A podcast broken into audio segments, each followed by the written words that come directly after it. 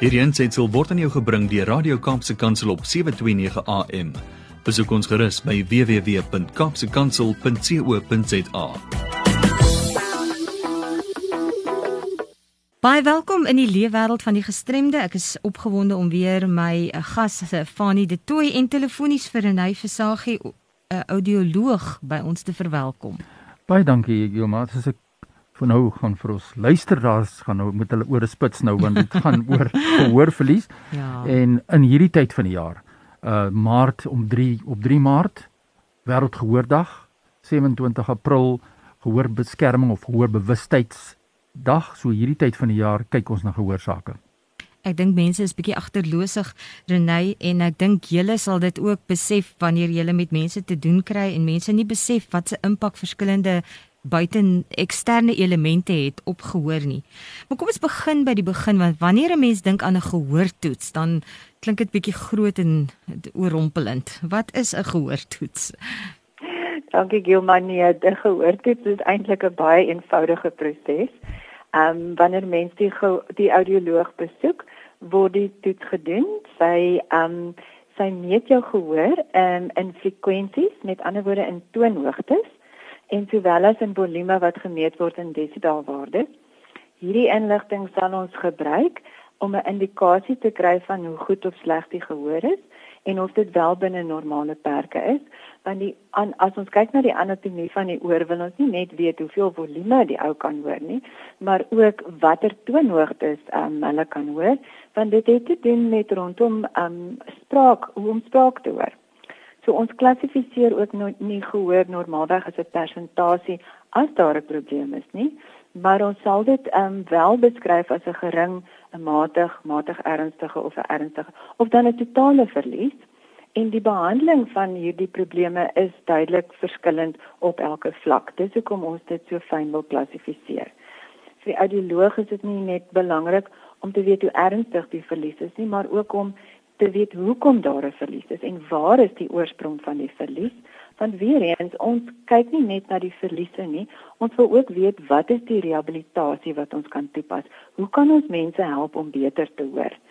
Um en so probeer ons uitvind um of dit as gevolg van iets in die binneoor is of in die middeloor is, van die behandeling weer eens daarvan is is verskillend.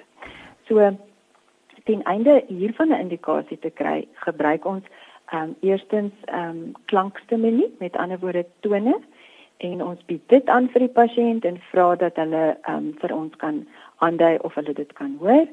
Maar ons gebruik ook spraak gekalibreerde spraakstimule, met ander woorde woorde of sinne en hierdie kan aangebied word in stilte of geraas, want dit is dit is tog waar die pro, uh, pasiënte probleem sou toon is om mense te hoor. Ons wil nie net klanke hoor soos die wind wat waai nie. Ons wil tog hoor wat in gesprekke aangaan.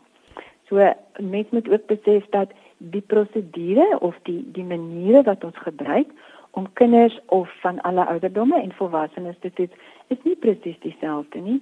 So dit is belangrik as jy weet, um, wanneer jy 'n afspraak maak by jou audioloog, veral in die in terme van kinders, moet jy weet of die audioloog wel die geskikte toerusting het en of hulle wel met kinders werk, want natuurlik is ons werkwyse heel wat anders met ons kinders as met ons volwassenes.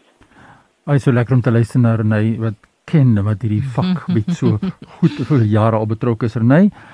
Wanneer sê julle vir mense moet hulle 'n gehoortoets ondergaan. Jy weet ons het nou die ding wêreldwyd sê hulle mense vat jare lank, jy weet, voordat hulle by die punt kom om te besef daar is gehoorverlies, maar wanneer sou jy sê moet 'n mens gaan? Wat moet mens oplet voor en wat moet die gemeenskap doen om betyds te gaan? Want as nie te laat gaan weet ons wat die implikasie is. Ja, Fani, dit is 'n baie belangrike vraag vir ons om hierdie om te antwoord. So, ehm um, ons begin ons draai eintlik hierdie ding op sy kop teesta en ons begin ehm um, die gehoortoets so vroeg as moontlik. So ons probeer al kinders ehm um, toets van so 2, 3 dae oud af sodat 'n mens eerstens die probleme baie vroeg identifiseer.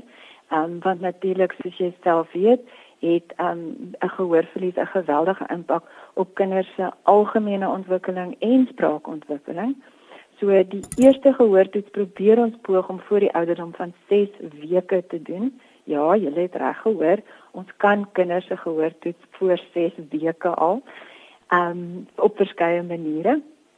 En dan beveel ons verder aan met kinders spesifiek dat ons die gehoortoetse herhaal op 'n ouderdom van 3 jaar en dan natuurlik op 6 jarige ouderdom voor hulle skool toe gaan. En dis maar net om enige resessiewe of progressiewe probleme by kinders op te tel. Met volwassenes um, is dit 'n klein bietjie anders.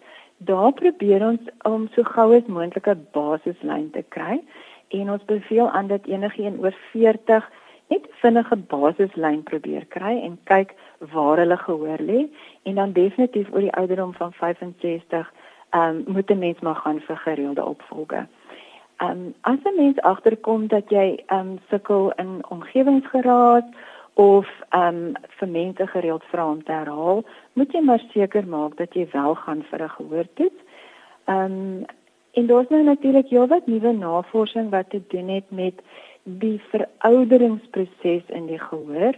En ek weet mense skram so tog weg van die ou gehoortoetsies af maar dit het 'n groot implikasie op mense latere lewe. En daar's nou ook bewyse dat dit kan bydra tot sensoriese afstomping en selfs demensie um, in van ons ouer mense. So definitief moet 'n ou maar gereeld kyk na jou gehoor en 'n gehoorsiftingkie doen En Discovery Health het wel ook die belang hiervan um besef en hulle gee nou vir al hulle vitality mense um oor die ouderdom van 65 vitality punte as jy 'n gehoortoets doen. Ja. So as jy um 'n lid is van die vitality klub, dan is dit tot jou voordeel om hierdie ou puntjies bymekaar te maak. Die ander ding wat ek deesdae ook baie gevra word oor, is die aanlyn gehoortoetse. Want ons nou geweldig baie van dit wat op die mark beskikbaar geraak het en en ons is glad nie gekant daarteenoor nie, maar mens moet weet dat hierdie is slegs 'n siftingproses. So dit sal vir jou sê jy gehoor is binne die normale perke, al dan nie As dit nie is nie, moet jy werk maak daarvan en dadelik 'n audioloog kontak sodat 'n mens kan kyk wat aangaan. En tweedens in my opinie is hierdie um, metings nie geskik vir jonger kinders nie. Um dit kom net met te veel probleme um van betroubaarheid en dan kry baie van die ouers 'n valse sin van sekuriteit. So ehm um, en dan dink hulle die kind se gehoor is normaal wanneer ons bietjie meer in diepte kyk na kinders se gehoor veral. En natuurlik almal van ons het maar bietjie van 'n passie vir die kinders. Ja, kyk, dit is baie belangrik wat jy nou daar sê en hy in basies uit 'n menseregte perspektief is elke persoon is geregtig op 'n volledige diagnostiese evaluasie. En dit is eintlik ononderhandelbaar dat mense weet hierdie ons hoor baie keer van die gehoorapparate wat jy kan bestel oor die pos en daardie tipe van goed. Julle rol as 'n uh, audioloog is krities in die proses om hierdie sorg en ondersteuning te bied. Stem jy saam? O ja, o, Fanny, nou raak jy 'n tere puntjie aan hierso. Ehm um, ek dink vir almal van ons is hierdie ehm um, gehoorapparate deur die pos 'n werklike ondier want ehm um, soveel goed soos wat jy dink jouself kan aandoen, net soveel skade kan jy jouself aandoen wanneer 'n gehoorapparaat eerstens nie professioneel en korrek gepas is nie. Ja. Ehm um, en tweedens ehm um, jy weet wanneer jy of onder of oor versterk word met 'n gehoorapparaat. Ehm um, dit laat ons hare sommer onmiddellik rys en ek verstaan dat mense is deesdae baie kostesensitief en dat gehoorapparate nie altyd baie goedkoop is nie, maar daar is altyd hulp daar buite in 'n professionele vorm. So praat eers met jou audioloog voordat mens um so iets be, um, behoort aan te pak. Absoluut, absoluut. Renée, ek is bly dat jy sê dat daar is altyd 'n simpatieke oor ten, ten minste om jou te kan help, net om te luister en dan te verwys indien nodig. Ons waardeer jou um, optimisme en ook hierdie wonderlike inligting wat ons nou deel met mense. En Renée, as mense nou luister vandag, hulle 'n vermoede iewers moet nagegaan word, waartoe kan ons hulle verwys? Wel, um, ons behoort meeste van die audioloë behoort aan ons nasionale organisasie ehm um, ons noem dit in kort SAAA, S met 3 A's, ehm um, South African um, Association of Audiologists en al die audioloë word daarop gelys. So daar is 'n wonderlike webwerf wat jy na toe kan gaan en bloot in jou omgewing intik en jy sal al die audioloë in jou naaste omgewing kry. En dis die maklikste manier om by 'n audioloog uit te kom.